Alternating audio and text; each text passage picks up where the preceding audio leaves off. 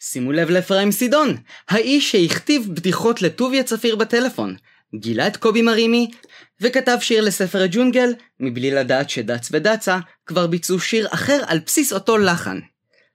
התחלה מפתיעה. חכו למה שמצפה לכם בפרק של שימו לב, שהוקלט רגע לפני הקורונה, ומזכיר לכולנו, למה אנחנו מתגעגעים.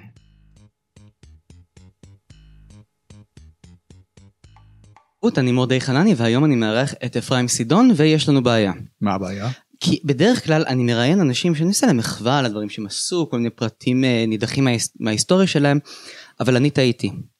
כבר העליתי ליוטיוב אה, מחווה מאוד גדולה שהייתה לך בערוץ אחד לפני כמה שנים. אז אה, כן, אז מה מישהו... מה זה היה? מה זה היה? אה, בחזרה לעתיד אני חושב. אה, אה כן, כן, כן. כן. זה לא רק לי אבל כן כיכבתי שם גם הנחיתי את זה לדעתי. אתה, אז כן. כנראה. אמ, ו, ולכן כבר יצא לי בטעות מחווה שלי כלפיך. הבנתי. עם זאת יש לי עניין אחר. אתה יכול לקחת אותה בחזרה. אמ, אני יכול לקחת אותה בחזרה אני לא אעשה זאת אבל אני כן אתייעץ איתך. אוקיי. אתה קם בבוקר ויוצא לצוד אבסורדים. ולנסח אותם בצורה מעניינת. אה, זה לא, לא עד כדי כך, זה לא שאני קם בבוקר והולך לחפש קורבנות וזה, קודם כל... לא, אבל, אבל מבחינת המקצוע שלך, העיסוק שלך זה בציד אבסורדים. היה, היום אני כבר יותר קשיש, והיום זה פחות, אבל היה. בשיא, בשיא גדולתי, מה שנקרא, בימי התוכניות הסאטיריות, זה מה שעשיתי. עצם העובדה שאני קם זה כבר נחמד.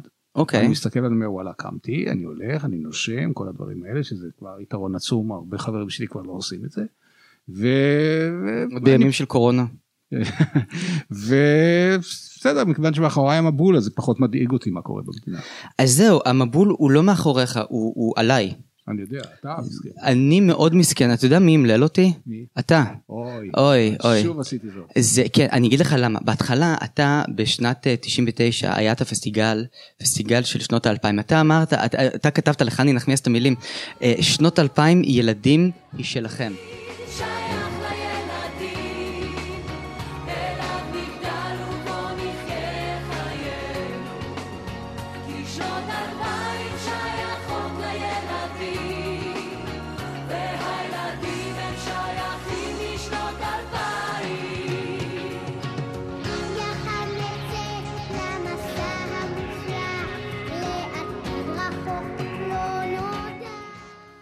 א' זה חשוב נורא לגלות את העניין הזה שלא שמים עליך ולא שמים על אף אחד זאת אומרת העניין של האשליות שאני ואתה נשנה את העולם זה קשקוש זאת אומרת זה שיר נפלא אבל זה לא כל כך עובד. אבל אתה יודע מה הבעיה? מה? שהיום כבר לא חולמים על יונה ולא על בית ולא על אזרחות קנדית ולא על פרחים. על בית חולמים, לא מגיעים לזה אבל לא חולמים, מגיע, חולמים להגיע לבית. הדור של, אם אתה תשב עם החברים שלי ואתה תשאל מה, מה הדברים שאתם רואים את כן. עצמכם משיגים בחמש עשר שנים הקרובות, אוקיי. דירה זה בכלל לא בליסט. זה לא משהו שאפשר לשאוף אליו. זה גם לא שלום, גם לא פריחות, מה כן? קנדה. לתעד הצלחות. הבנתי. וכאן, כאן הבעיה. לא רק הצלחות, לתעד כל דבר. לתעד כל, כל דבר. פוק, אתה יודע, היה לי פעם שיר שקוראים לו שיר הפוק.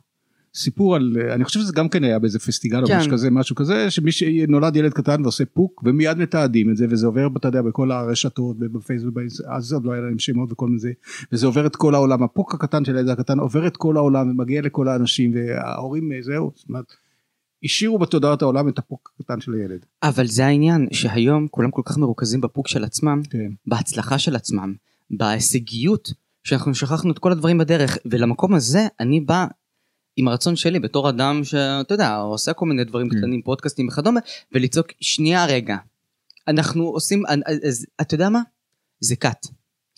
יש לי חבר שהוא נכנס לקאט ואני שאני שמעתי את הנימוקים שלו על הקאט זה ממש נשמע כמו חברים שלי שאומרים כן תלך להייטק אבל יש לי רק שתי יחידות במתמטיקה אז תאמין בעצמך מה הבעיה. איך אני בא ו- ומציג את זה בצורה סאטירית כי אנשים לא יכולים לצחוק על הדת שלהם. תראה, ההבדל שהוא ש...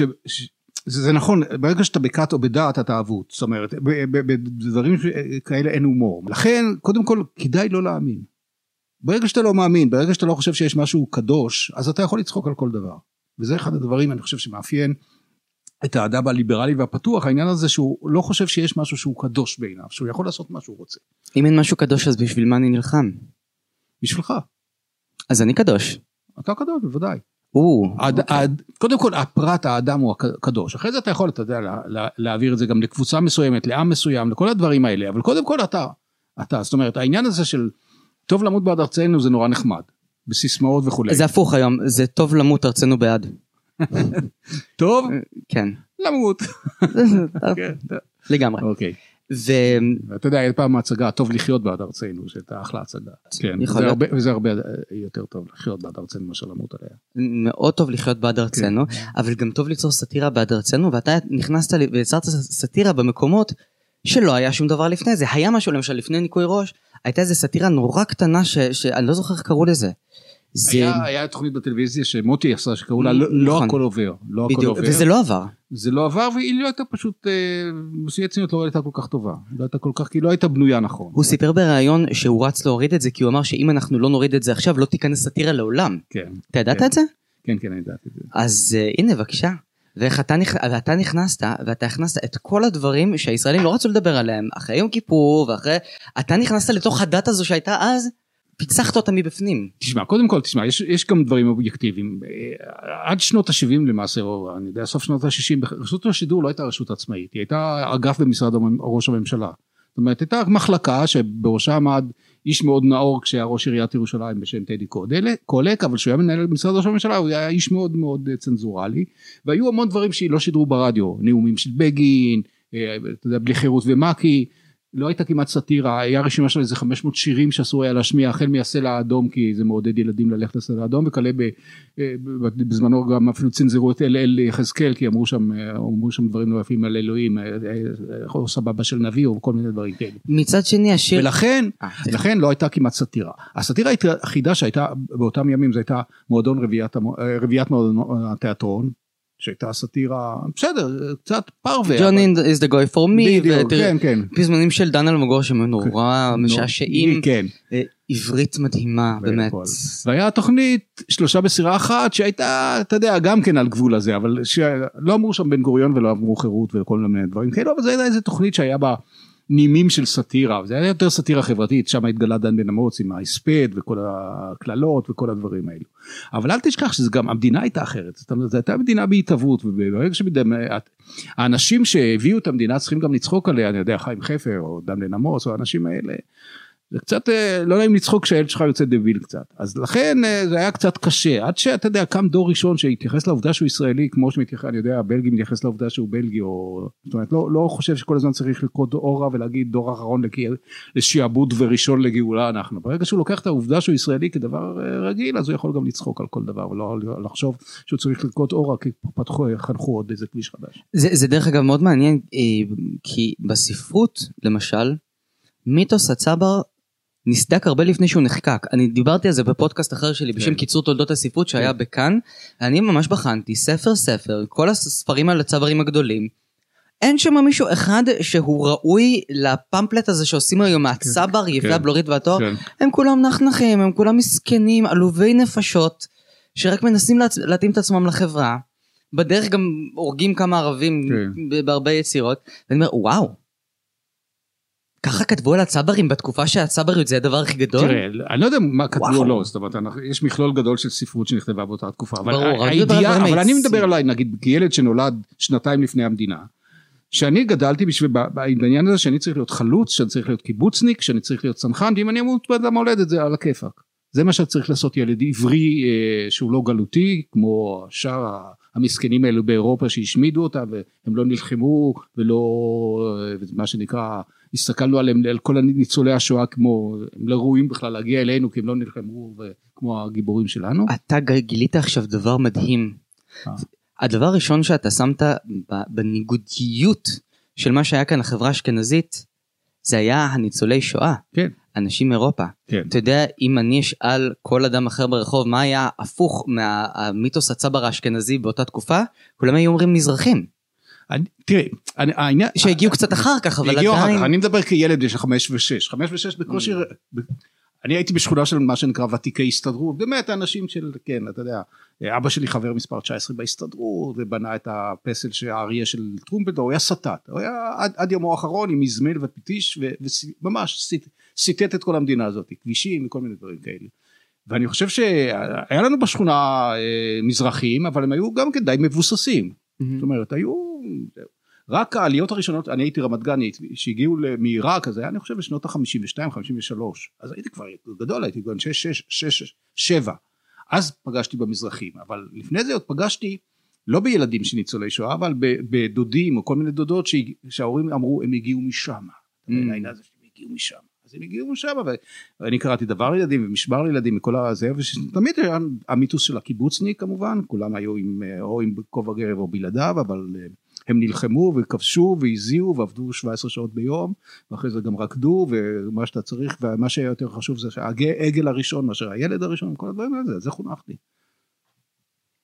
אוקיי, ואתה עדיין אומר כשהייתי בן 6 הייתי כבר גדול אין לי איך לתקוף את זה כי לא שהייתי גדול זה מה שהכניסו לי לראש. אתה יודע השירי ערש של בני דורי זה בוער את הגורן בעין חרוד וגם מבית אלפא עולה עשן או קיבלו קיבלו הרי אפרים אה, קורבן עברי חדש שזה אמור ליישן אותי בשלווה כי אני יודע שהכל בסדר. הרגו עוד יהודי שרפו עוד עוד איזה גורן אבל יש שומר ויש חלוץ ויש גיבור שיגן עליי. זה מה ששרו לי. לא שרו לי ילדים. אז, אז איך מתחילים בכלל לתקוף את זה? איך בכלל מתחילים להגיע לנקודה של שנייה רגע, מה שאתם אמרתם לי זה לא נכון. אתה סוג של אוזו ומוזו מכפר קקרוזו, מעבר לחומה? כן. אה, תראה, קודם כל אתה מגיע לזה, אה, תראה, אני הייתי ילד תמים וכולי עד גיל 10-11. הייתי בתנועת נוער, הייתי בשומר הצעיר, ובאיזה שלבים מסוימים התחלתי להבין שמה שאומרים לי הוא לא תמיד נכון. אה, אני הייתי בתנועת השומר הצעיר שהייתה מפ"מניקית ממש אתה יודע זה היה שם זה כבר לא היה סטלין אבינו אבל היה נטייה מאוד מאוד חזקה לעניין הזה של סוציאליזם קומוניזם אני לא חשבתי שקומוניזם זה הדבר הכי טוב. והייתי מפאיניק ואפילו לא רצו לתת לי סמל בגרות שזה כשאתה מגיע בסוף השומר הצעיר לזה אתה מקבל סמל בגרות אתה ראוי ללכת לקיבוץ כי לא כל אחד ראוי ללכת לקיבוץ לא כל הפרות לא תקבלנה מישהו בלי חינוך אידיאולוגי בלי סמל בגרות. לא רצו לתת לי סמל בגרות כי הייתי מפאיניק כל מיני דברים כאלה. אחרי זה גם שהייתי אחרי זה כמובן צבא מלחמות וכל זה ופתאום הבנתי שלא כל מה שמספרים לי זה נכון. ופגשתי עוד אנשים שחשבו כמוני ואז התחלנו פשוט להגיד את הדברים האלה זה הכל.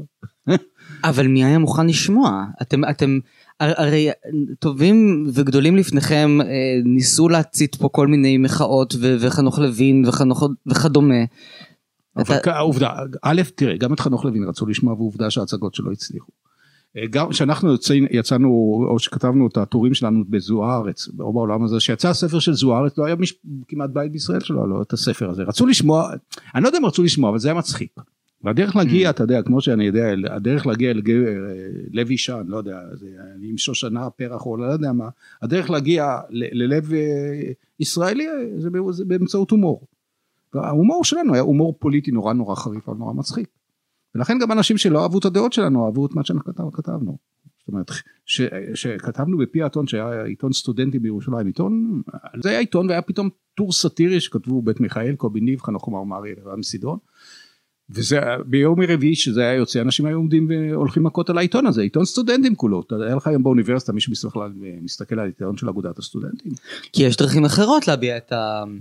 את הזעם ואת המחאה ואת. ואת גם אז היו הדברים האלו, תראה, אז היה באמת שיא הפריחה הפוליטית, היה עוד לפני שלום עכשיו היה שיח והיה ימין והיה, האוניברסיטה של אז הייתה נורא פוליטית, היו מכות בין ימין לשמאל ונציגי הימין באותה תקופה היו צחי הנגבי עם שרשרות ברזל וכל ה...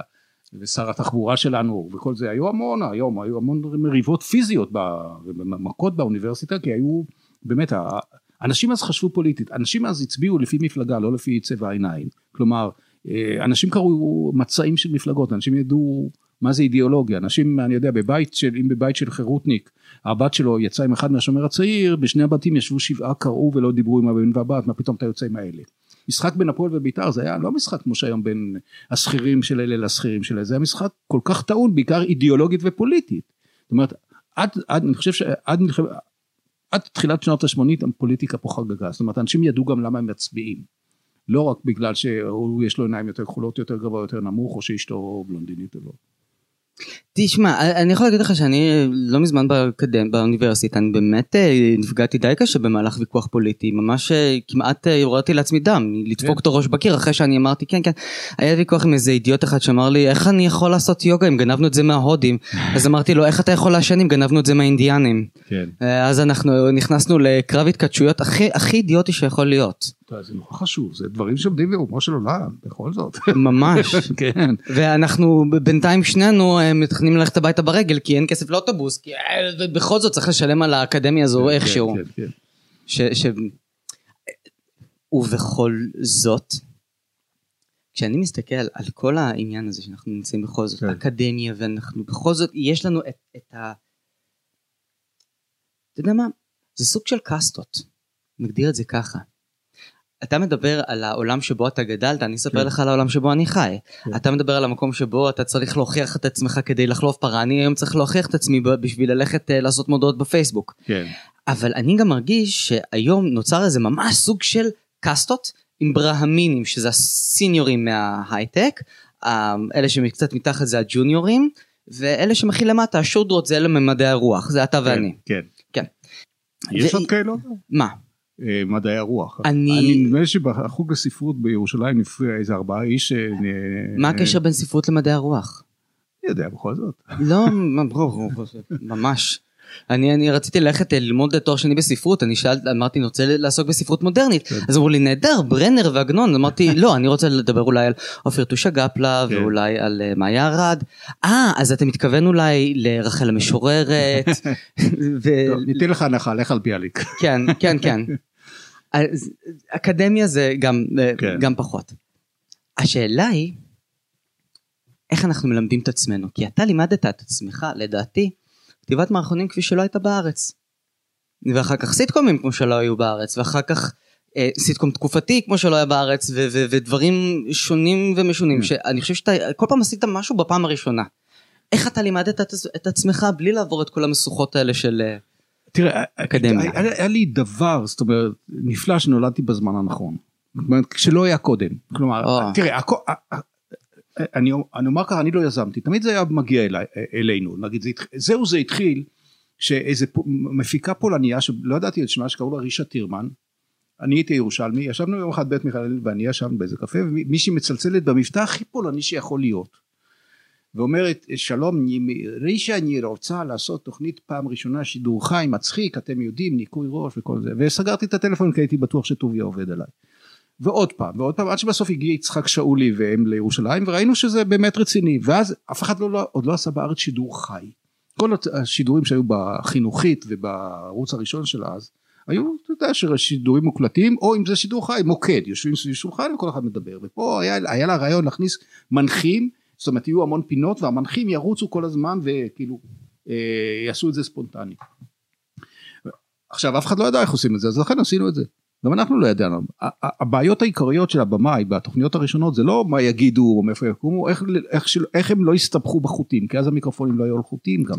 אה. אל תשכח שאתה יודע. אתה, זה, מה ש, זה מה שהעסיק אתכם אז. מה שהעסיק אותם, את השחקנים, וזה איך הם לא ייתקלו ואיך הם לא ייפלו עם 20 אה, מטר של חוט ב, של מיקרופון. יש להם שלושה או ארבעה חוטי מיקרופון שם, ועל זה, בזה דאגו. לאט לאט מה שהתחיל כצריך להיות, אתה יודע, שלוש שורות של מעברים מקטע לקטע, הלכו והתרחבו, בסוף הם היו דברים עיקריים, והפינות הלכו וקטנו. Mm-hmm. אז ככה זה התחיל. עכשיו גם לפנינו היו כמה סדרות קומיות, היה איזה סדרה נדמה לי שקראו לה משה או משהו בערוץ הראשון, לא, לא, לא מאוד חשוב. ואז הרישה שראתה שאנחנו נורא מצליחים בזה וזה, ושאולי שהיה במאי אמר אז בואו נעשה סדרה. אז איך עושים סדרה? אז קודם כל היא הביאה מומחה פולני. מפולניה? מפולניה, אתה יודע, הרי הקומדיה... אבל הם הרגו את כל האנשים המצחיקים. גם ההומור הפולני זה לא בדיוק, אם היית אומר קטעי אבלות, אומללות, כמה אני מסכנה פולני, זה בסדר, אבל הוא בור פולני. הוא ישב והרצה לנו איך עושים סדרה וכל מיני דברים כאלה, בסדר. אחרי זה, היא ושאול נסעו לארצות הברית, אז הייתה שם סדרה שלושה בדירה, בדירה אחת, אתה זוכר? הייתה סדרה מצחיקה בשנות, בסוף שנות ה-70, תחילת ה-80. שלושה בדירה אחת, לא חשוב, ראו איך מצלמים, עכשיו, כמה כבר נתנו להם להיות שם, בערך ארבעה ימים לראות איך עושים סדרה. ואז היא חזרה ואמרה צריך שיהיה טוב, שיהיה רע וכל מיני דברים. ואז בית מיכאל ואני ישבנו וכתבנו, לא ידענו איך, אבל זה הצליח, אבל אף אחד מאיתנו, אני לא למדתי תסריטאות, אני למדתי בחוג לתיאטרון בירושלים, אז זה היה חוג יותר לתולדות התיאטרון, זאת אומרת למדנו לנתח טקסטים, לא למדנו לכתוב שום דבר. כן זה גם לא טקסטים שאחר כך אתה יכול לשחזר אותם. אם אני היום אגיש את הקאמרי איזה מחזה שבו אני אומר הו גורל אכזר יש לי שתי, שני קווים כחולים בוואטסאפ ואני אלך אז פחות עובד לא, אבל זה, אם יש מישהו שקצת מכיר את הזהו, אז ילך יאכל ספסוסו ויגדי. תראה, הארץ, מבחינת, מבחינת תרבות או מבחינת טלוויזיה זה היה אזור פרק, גם מוטי לא ידע איך עושים ניקוי ראש. זאת אומרת, אף אחד לא ידע כלום, הוא רק ידע שאם הוא רוצה להצליח הוא צריך צוות, הרי כשהוא התחיל את ניקוי ראש הוא פנה לאפרים קישון ולעמוס קינן ולדן בן אמות, כל הסאטיריקונים הגדולים של אותה תקופה, ואמר אני רוצה שתכתבו לי, בסדר נשלח לך בדואר, הוא אמר לא, אני רוצה שתשבו ואנחנו נכתוב יחד וניצור וכולי. קישון אמר לו, אני יכול להראות לך בספרים מסוימים איפה אתה יכול למצוא קטע כזה ותיקח אותו. זה מה שאני מוכן לעשות. זאת אומרת, הם היו מוכנים לשלוח חומרים ישנים. Mm. ואז הוא אמר, ואז בדיוק היה לנו קברט של סטודנטים בירושלים, קברט פוליטי נורא חריף. ובאותה תקופה היה מיכאל אוהז, מוכר לך השם הזה, היה המבקר הספרותי של מוסף הארץ, והוא היה האורים והתומים בתחום של התיאטרון. ויום אחד הוא הגיע לירושלים וראה את הקברט הפוליטי, היה, היה בירושלים אם אתה ירושלמי, אתה יודע מה זה סורמלו. והיה שם אולם כזה שהיה בפאב, מה, לא חשוב ששיח קראו לו סורמלו, שסורמלו היה גדול, ניהל אותו, ושם עשינו מופע סאטירי נורא חריף, שפעם ראשונה בית מיכאל קוביני ואני כתבנו, והוא בא והוא כתב כותרת ראשית בארץ, יש, יש סאטירה בירושלים. ואז בא יעקב אגמון וקנה אותנו ועשינו הצגה ראשונה כבר בתל אביב ואז בא מוטי וראה את הדברים האלה ואמר אוקיי חבר'ה אני משעבד אתכם. עכשיו התוכנית הזאת הצליחה כי אנחנו ישבנו שם 48 שעות ביום בתוכנית גם אנחנו וגם השחקנים תשכח, אל תשכח שזה היה תוכנית לא היו מחשבים כלומר כשאני רציתי לשלוח איזה קטע לא יכולתי לסמס או משהו הייתי יכול או, או, אה, לשלוח לתלגרף מה לתלגרף לא הייתי שולח במעטפה במונית אה. מוניות נשר הייתי הולך למלוניות נשר שיביאו את המעטפה לטובי או לזה שילמדו את השיר בעל פה. או מכתיבים בטלפון אבל גם טלפון לא תמיד אה, לכולם היה. אנחנו מדברים על תקופה שבה זה, זה לא יאמן, לא היה פקס, לא היה מחשב, לא היה... בסדר, ומצד שני, אתה פעם סיפרת בריאיון על זה שפעם היה קל לקחת נגיד, אה, צריך לכתוב איזה טור סאטירי, היינו מדפדפים במגירות אה, לפני שנתיים שלוש, מוציאים ואומרים הנה בבקשה יש לנו אחד חדש. כי תמיד ההיסטוריה חוזרת על עצמה, אתה סיפרת את זה פעם באיזה יכול להיות, אבל זה לא קורה. שמעון פרס הוא בחור על הכיפאק וכולי, אבל האיש הזה היה, כשאני הגעתי לכתוב סאטירה הוא היה כבר ותיק בפוליטיקה, הוא מ-48 בפוליטיקה. נגיד היה עד כמה? עד שנת 2010 בפוליטיקה? עד 2018 מספיק כמה אפשר? עכשיו כמה אתה יכול לכתוב על הבן אדם הזה שלא כתבו? מה אתה יכול לעשות? הרי כל מה שהוא עושה הוא עשה כבר אלף פעמים. או או, או אירועים וחוז... שחוזרים כל הזמן על עצמם. אתה דיברת עם ליאור שטיין? ליאור שטיין יש לו שתי תוכניות בשבוע כן. על ביבי כבר עשר שנים. נכון, אבל בסוף זה ייגמר לו. זאת אומרת זה לא ייגמר לו כי ביבי ברוך השם הוא בחור נכון, מלא מלא מלא אבל צוות, צוות של כותבים יש ברור בוודאי אה, לא אני אמרתי שמה שקורה הרבה פעמים יש לך הרגשה שהמדינה שלנו ב neutral כי אם תיקח lineup של ניקוי ראש ו lineup של ארץ נהדרת תראה שזה אותו דבר. אמנם פה זה בצבעים פה זה בשחור לבן פה זה שחקנים האלה אבל lineup יהיה פחות או יותר חרדים מתנחלים אה, שמאל ימין הכל אותו דבר כאילו לא קרה שום דבר במשך ה-40 אה, שנים האלה שחלפו. אה, וגם בתחום השחקנים, גם בזה שום דבר לא מתחלף. אתה יודע כן. כמה אנשים, כמה פעמים אתה ניבאת ניבויים מעניינים ביצירות שלך, בדברים שאתה כתבת? לא. למשל, ניקח את עליזה רוזן במערכון כן. של ארצ'י בנקר, כן. בניקוי ראש. כן. היא שיחקה שם את הבת של ארצ'י בנקר. נכון. ואז כשהיא גדלה בשנות התשעים, היא וספר ריבלין, מה הם עשו? סדרה איצ'ה. כן. של מה היא מבוססת? כן, יודעת. על ארצ'י בנקר, כן. והפעם... אה, אבל זה לא אני כתבתי. עליזה שיחקה את אה, שיפרה. כן. נכון, אבל בסדר, הם המשיכו למקום כן. אחר, אבל עדיין באותה מסגרת. כן. אתה יודע מה, מקרה אחר. אבל אני חושב שהתוכנית הזאת לא הייתה פוליטית כמו... היא לא, היא לא הייתה פוליטית, אבל ניקח מקרה אחר. יורם גאון וליאורה ריבלין, שאתה עשית להם קאמבק בחצי המנשה. נכון. נכון. ואת חצי המנשה דרך אגב אתה ניבאת בזה את משחקי הכס לא רק אני אמרתי את זה גם הייתה עכשיו תוכנית. ברצינות? אתה לא אתה לא ידעת שיש תוכנית שקוראים לה זאת וזאתי? לא. יש שם דמות ש... איפה איפה התוכנית הזאת? משודרת בערוץ 13. ויש שם קטע שמוציאים כל מיני דברים מביכים עליה מהעבר, אפרופו מהאינטרנט, כי מת, היא מתקבלת לבחיר, בבחירות, אה, מקימה מפלגה, כן, כן. ומוצאים את כל כן. הטינופת עליה כן, כן. אה, מההיסטוריה, מדברים שעשתה כן. להם לייק. בין השאר היא עשתה לייק לחצי המנשה, אה, הסדרה הכי טובה בעולם, ואומרת, מה, זה, מי שאוהב את משחקי הכס, חצי המנשה זה הדבר. עכשיו, גם אני אמרתי את זה. קטונתי, קטונתי. לפני אה, שנתיים עשיתי מעין כן. פורמטים כזה שישראל גנבה לפני כן. כולם, ישראל המציאה לפני כולם. אנחנו המצאנו למשל את אה, וויל וגרייס, אתה מכיר את הסדרה? לא, סטרייט ולעניין, מכיר? כן. זה אותו דבר רק שעלה בארצות הברית אחרי כמה כן. שנים. כן, אז, אוקיי. גם בעניין הזה אתה ניבאת. כן. וטוב, לגבי. קובי מרימי, שאנחנו נגיע לזה, אנחנו נשאיר את המטעם הזה ממש אה, רגע בסוף, לקראת הסוף. אבל אתה עסקת גם הרבה בתיאטרון, אתה גם כתבת הרבה מאוד לילדים, הרבה מאוד. ואיפה אתה חותך את עצמך, את הקו המקווקו שעובר בין כתיבה לילדים לבין כתיבה למבוגרים? כי כל מה שאתה כתבת לילדים, מבוגרים יכולים ליהנות מזה מאוד. נכון. בני המידה שלי היה קודם כל, כשאני כותב משהו לילדים אני רוצה שהמבוגרים אה, ייהנו ממנו, כי אני, אחד הס- הסבלים בתור אב, זה שאתה מקריא כל מיני סיפורים לילדים, ויש סיפורים שבא לך לחנוק את הסופר ואת הילד גם יחד, כי מה, מה, מה השטויות האלה? למה אני צריך כל ערב להשמיע את השטויות המטומטמות האלה? מצד שני יש סיפורים שאתה קורא ואתה לא רוצה שזה ייפסק, שאתה נורא רוצה שהילד יגיד עוד פעם כדי שתקרא את זה עוד פעם, כי זה נורא יפה. תמיד נורא היה חשוב לי שאני כותב משהו לילדים שגם ההורים ייהנו. עכשיו חלק גדול, זה נכון שחלק גדול מהספרים שלי לילדים הם סאטירה. אמנם לא ברמה של תצביעו אני יודע א' ולא ב' או ג' ולא ד' אבל אבל תפתחו. לעצמכם איכות שדרה. כן, אם למשל אה, ניקח את אה, סיפור מוזר ומלט עם ההון על... אה, היא- קרא קטן היה היגיון. כן. נכון.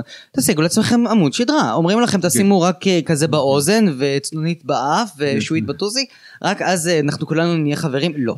עוזו ומוזו בכפר- מכפר קקרוזו, תטילו ספק בחומה הזו שמציבים לכם באמצע הכפר כן, ואומרים שיש מאחורה כן. מפלצת. תפתחו לעצמכם עמוד שדרה.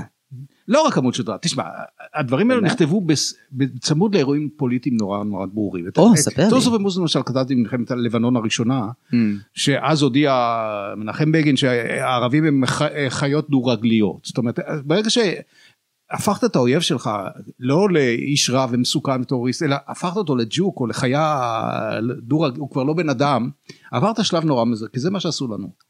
אנחנו בזמן השואה כבר לא היינו בני אדם, היינו ג'וקים, היינו מקקים, כאלו שצריך לדרוך עליהם כי הם לא בני אדם. ברגע שאתה מוציא אפילו את האויב שלך מהתחום של בן אדם, הוא יכול להיות בן אדם רע, נוכל, שפל, רוצח, כל זה, אבל הוא עדיין בן אדם. ברגע שאתה הופך אותו לג'וק אתה כבר לא, זה כבר לא משחק, זה משחק מסוכן נורא. ולכן כתבתי את הסיפור הזה על העניין הזה של המפלצת מהצד השני, כי בשלב מסוים, זה, בהתחלה אומרים שהוא איש רע וכולי, זה מעבר לחומה, אבל בשלב מסוים הוא כבר מפלצת, שטן, שד, דרקון, ואף אחד לא מעז להתקרב, כי זה כבר מפלצת ושטן, ואתה כבר לא יכול לדבר איתו.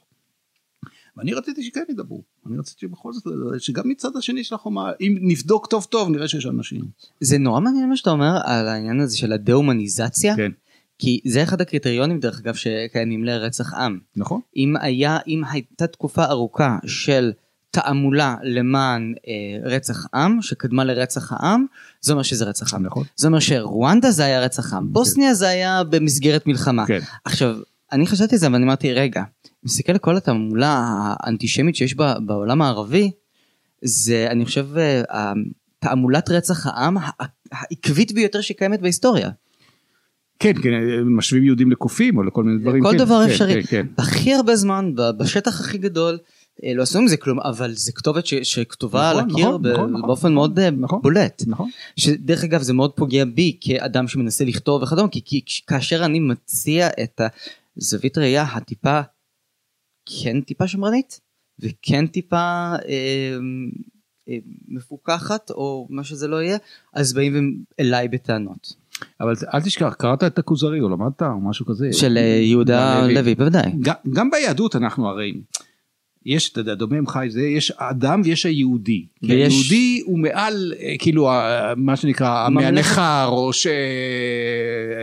ממלכת אנשים- האדם מקיימת ממלכת, אנחנו ממלכת קדוש. ממלכת כהנים וכולי. בזמן שהאנשים הרגילים, בני נוח מה שנקרא, הם אנשים בסדר וכולי. שוב אבל- חזרנו לקסטות. כן, אבל קסטה של, שמרגישה את עצמה מעל, ולכן...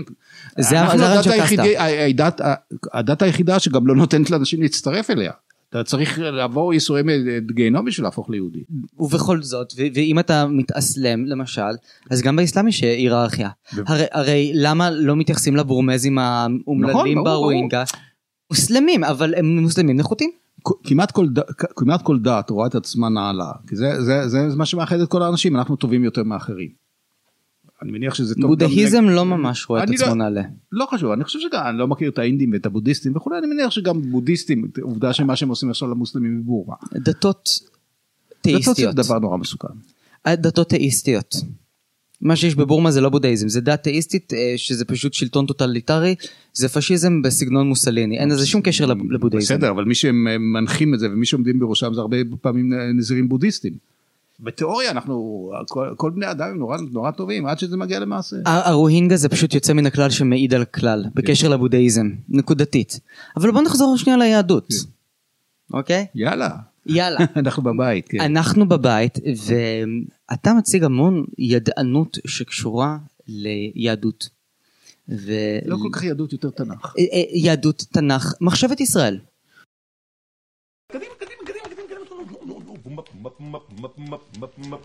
אלילים שמרו על אמא, אלילים שמרו על אבא, על אשדוד ועל עזה ועל כל הפלישתים.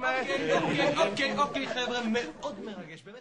אה, תראה, אתה מצטט את הכוזרי, אתה, אתה, אתה שואב מתוך המעיין כן, הזה כן. שקוראים לו הדת היהודית. ברור, ברור. כן. דברים ה- שהיום הם מוקצים מחמת מיאוס. זה נורא חבל. לכן כתבתי את התנ"ך בחרוזים. הסיבה הכמעט היחידה, ש- ואפילו את חצי מנשה עשיתי בגלל העניין הזה.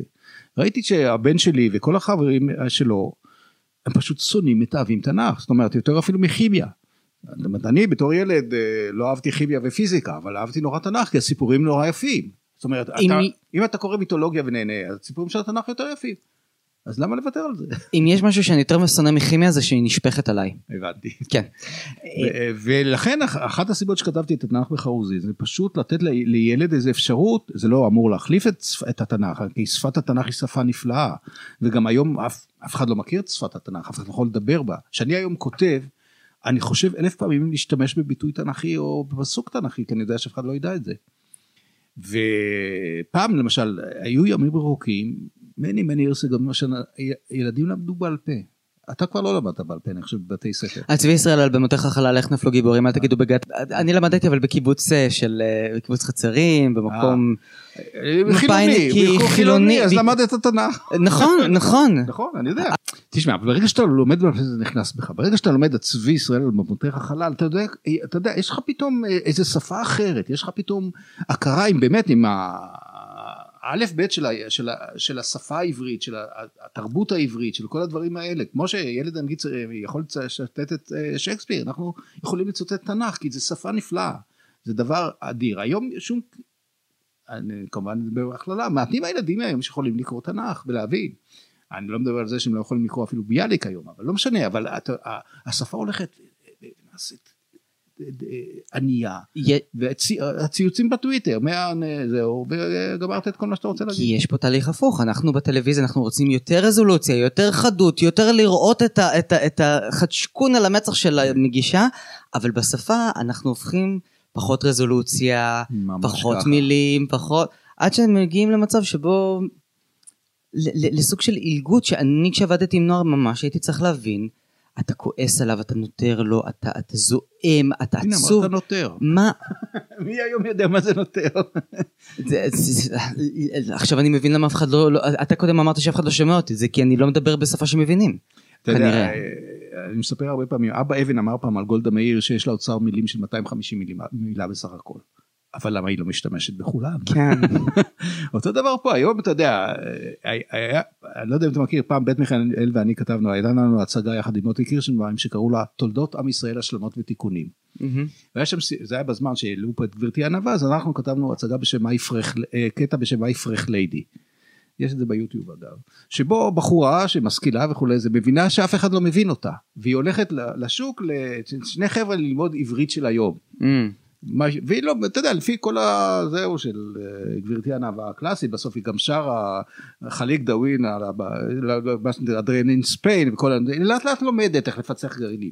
אז אה, חבל שזה לא טלוויזיה, אז אנחנו, הוא מסביר לה שם שבעברית יש תנועות גדולות ותנועות קטנות. תנועות הגדולות זה לך מפה, יא חרא. של ה... כן, כן, התחת כן, אה, לממי כן, אתה או בפרצוף. קפוץ לי או כנס לי. כן. והקטנות זה אה, נה, כל כן, זה קיצה הקריצה. בעין, המשיכה, או זה. כן, האצבע.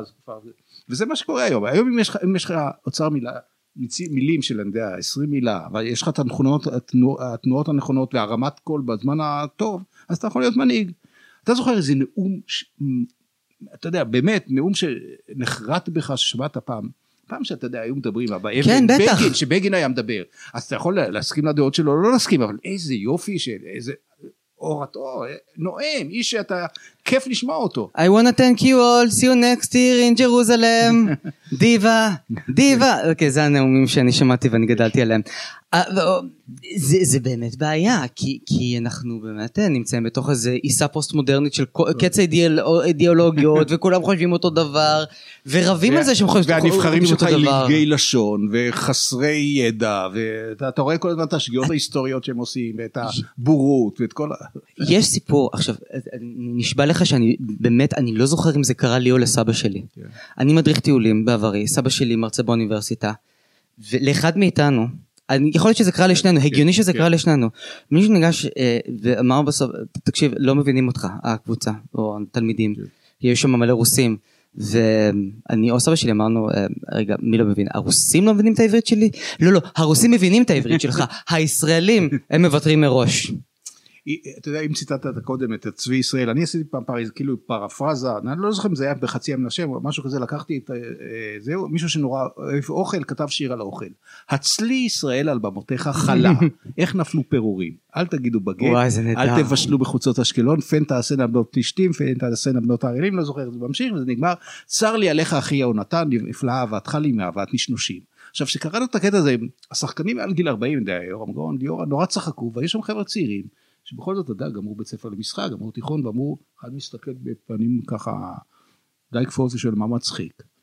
אז יורם גאון שאומר לו תגיד לי לא שמעת על קינת דוד? אז הוא אומר וואו כבר אז היו קינים. לא באמת. סיפור מההיסטוריה מול עיניי. אני מרגיש עם עצמי כל כך טוב על זה שאני לא סיימתי בית ספר למשחק ולא סיימתי תיכון. נכון אתה יודע מה זה קינת דוד. זה כן כמו שפעם אחת אתה אה, שאלת ילדים באיזה בית ספר על ילדה אחת שהיה לה ראש כרוב כן. ובמקום קינים מה היה לה תולעים. נכון? אז, אז גם זה גם זה קיים. כן. איך, איך הגענו לזה? אה, יודע. כי, אה, דיברנו על. לא כי אני בינתיים אנחנו מדברים פה על הפרעות קשב וזה לא סיימתי תיכון אני בינתיים עם התוכנה עם השאלות ובוא אנחנו נגיע לנקודה שבה אנחנו שנינו סוף סוף אחים לגורל וי. כמה זמן ניסית להוציא את המחזמר משיח לאור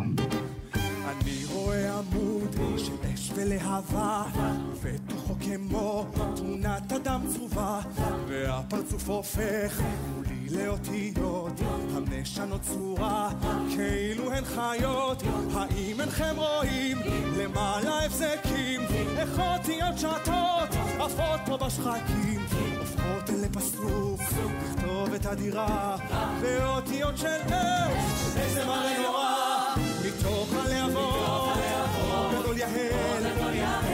יהל, שבתאי צבי, משיח ישראל, משיח שבתאי שבי, את כל גופי עוטף, איני מתעלם.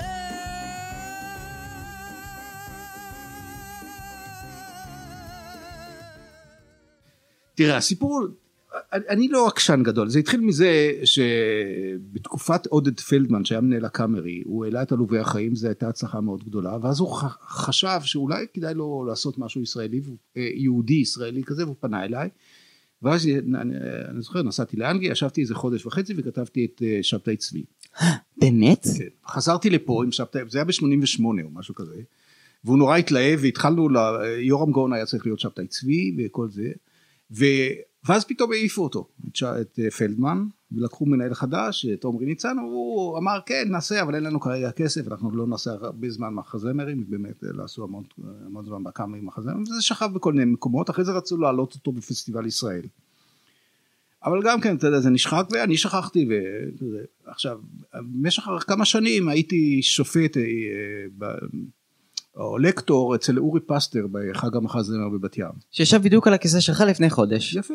אה. והוא הכיר את, המח... אה, הכיר את, ה... את שבתאי צבי. לא, זה... היה לנו כמה רעיונות לאורי פסטר לעשות כל מיני הצגות ילדים ואחרי זה בין, בין השאר נתתי לו את העניין הזה. וזהו, ובשנים הראשונות כמובן היו תחרויות וכל זה, בשנה החמישית הוא אמר אני רוצה עכשיו לעשות מחזמרים שאני יודע שישנם כבר שלא, אני לא רוצה לעשות תחרות, אני לא יודע. אני רוצה את המחזה שלך, את המחזה של, אה, אה, שהוא כתב על פי... אה, מנדל מוכר ספרים, כן. מלך הקפ- מלך של הקבצנים, כן, ועוד מחזה שכתב נדמה לי בועז אפלבוים או משהו כזה על... הטרסק. כן. אני צפיתי בכולם, אני צפיתי בכל ההצגות של חג המחזמר, דרך אגב, אני אפילו אני הקדמתי. גם. אתה גם? יד, אני, אבל אני חזרתי אני- מדרום אמריקה, במיוחד, כן כן כן, אני תיאמתי את הכרטיס שלי, להגיע יומיים לפני חג המחזמר כדי שיהיו לי כבר כרטיסים ויגמר לי הג'טלג. אני ראיתי כי קודם כל הייתי כמו שאמרתי לך לקטור אז הייתי חייב לראות ובאמת היו דברים שם ממש נפלאים. יש שם דברים- באמת אה, ברמה של חבל שזה כל כל כך ה- נשבר לי הלב כל פעם שאני כל ה- ראיתי כן. שדברים שדברים שם לא מצליחים כי יש שם גם שירים שאני רציתי לעצמי שאני רציתי אני כל כך שמח שאתה העלית את אה, שבתאי צבי את המחזמר ליוטיוב כי אני יכול לחזור לשירים אבל זה כן. נורא מבאס לראות מחזמר ואני לא יכול להמשיך עם זה אחר כך. כן, כן, חבל, חבל. אבל כן. אתה יודע, אבל הסנוביות הזאת, ברוב, ברוב, לרוב המחזמרים אה, בכלל לא הגיעו מנהלי תיאטראות, ולא הגיעו, אתה יודע, זלזלו באורי פסטר ב- ב- בדבר הנפלא הזה הוא עשה, עצוב. התייחסו אליו כאל... באמת זה היה מפעל אדיר, ויש, ועד היום יש שם, אני יודע, הועלו שם לדעתי כמה 25 מחזמרים, מתוכם לפחות חמישה שישה עם במה. לא. אני חושב שלא יותר מ-20 דרך אגב. אתה נתן שוב לא תהיה נביא, ואנוכי לא אשת בן דוד, וכל אשר טיפחנו בעמל, כך במחי יד חלף עבר נפל. להפך, שרתי שלי, להפך, אם הוא ימות הוא יהפוך קדוש. ואז אנחנו, את אני ביחד, את התנועה ננהיג מבלי לחשוש. תתפסי את מקומו ואנוכי אכתיר אותך כממשיכה דרכו, וכך אני אצהיר, רוחו של המשיח עברה בי שערה, מתוך גופו של שבתאי צבי, ישר אל גוף יוציאו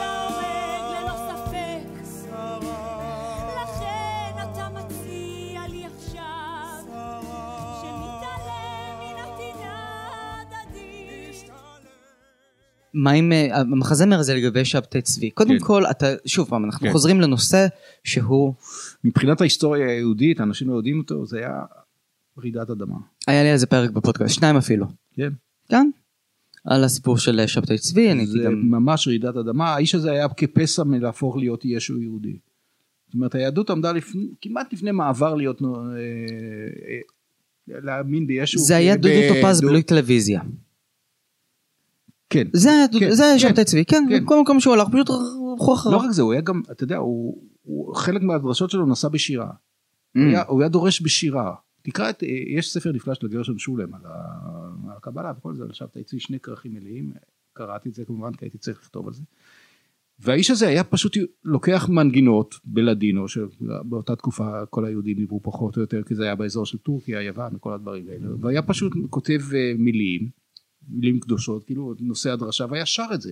עכשיו אתה יודע איך זה עבד על נשים בעיקר? או חלק גדול מהמאמינים שלו היו נשים שהיו נכנסות להיסטריה בחור יפה וזה בא ושר את קודש. והוא בינתיים היה חוגג עם נתן הנביא במחשכים. לא, היה פמיניסט, קודם כל עם שרה הזונה, הוא נתן לה, הוא העלה את ה... הוא נתן לה לארצ... ל... לדרוש בבית הכנסת, הוא מחל לכל הנשים על חטאי חווה, כאילו, הוא העלה אותם לדרגה שהן יכולות. הוא עשה שם דברים נהדרים. זה שהוא היה מניה דפרסי זה משהו אחר, אבל...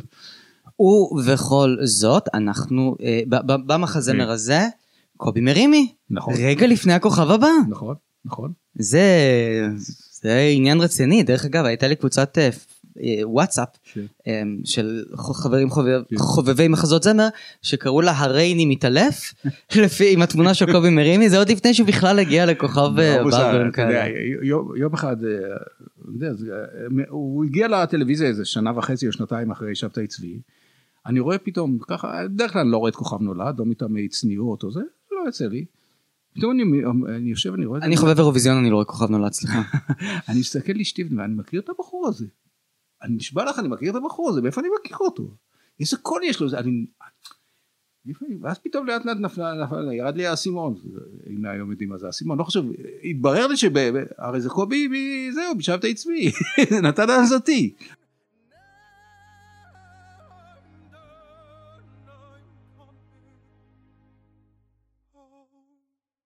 ואם אני עכשיו כותב גם כן ספר למבוגרים יחד עם דני קרמן שאני קורא לו התנ"ך נחי.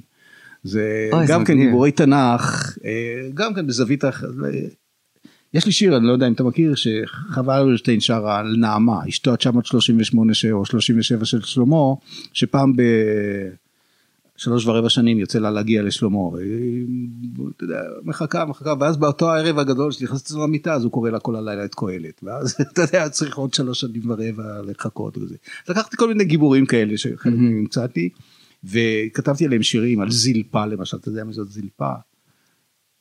אז זאת האמה של לאה, נכון נכון. ובילעה איתה על השפחה של רחל ושהם קצת נעצרו בלידתן אז אה, רחל בכלל לא ילדה עד אז אז היא נותנת נותנים את המשרתת את השפחה לאדון שהילדים פונדקאית. עובר כמו הגר ששרה נותנת לאברהם אז נתנו את זה לאה, נותנת את זה ליעקב ומה שהוא שואל של, אה, בתור מתנה והוא שואל אם יש פתק החלפה זה מה שהוא או, כל מיני שירים כאלה אתה יודע אוקיי. נורא נחמדים זה מה שאני עושה עכשיו לבוגרים. אני כותב עכשיו איזה שלוש אני חושב שבשנה הבאה יחדשו את ספר הג'ונגל שזה נורא נחמד וגם את מעלה קרחות.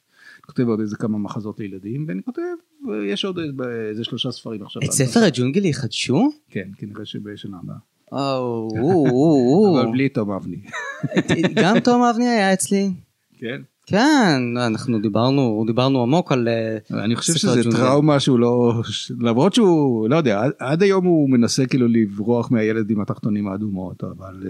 אה, הצמידו לו את מייקל ג'קסון בתור נחש. כן. מה כן? זה זה איום ונורא. מה? למה? את אה, יוסי טולדו. אבל בתור מייקל ג'קסון? הוא עשה נפלא את זה. הוא עשה נפלא, אבל היום להעלות את זה על הבמה? אבל אז הוא לא ידע, אף אחד לא ידע. אז- כתב- זה לא מייקל ג'קסון, זה אתה יודע, זה כל אה, הבריק דאנס, כל ה... כתבתי את זה לפנאי פלוס. כן. כן, אה, משם אני- הגעתי לתום אבני. אה, אז יחדשו את ספר הג'ונגל זה מאוד כן, מפתיע, זה כן. כבר חודש כמה פעמים. פעם אחת זה חודש. כן? תראה, יש כל מיני חלטורות אני מדבר עם הבימוי של חנוך רוזן, אה. ועם הקלאסיקות עם טוביה צפיר, וכל ה... אה, את כל השירים אתה כתבת שם? כן, כן? כן, כל המחזה, כולל השירים. ו... אז איך יצא שהשיר אה, של מלך הקופים בכלל נלקח מדץ ודצה? ובזאת נסיים. אה, לא לא ידוע לי מה זה מלך הקופים עם דת, יודע. היי, אני המלך. זה לא ניקח מזה, זה שיר שמאיר אריאל כתב לה... לא מאיר אריאל, אריאל זילבר. בואו נשתגע, בואו נשחק, בואו נתפרע, זה מדבק.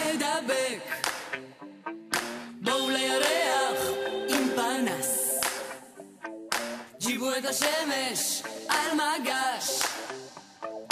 על העץ אשב לי ובעננות אזלול אוכל הכל מהר כולם לכרוע ברך אני המלך הכי גדול היי, יא, אני המלך.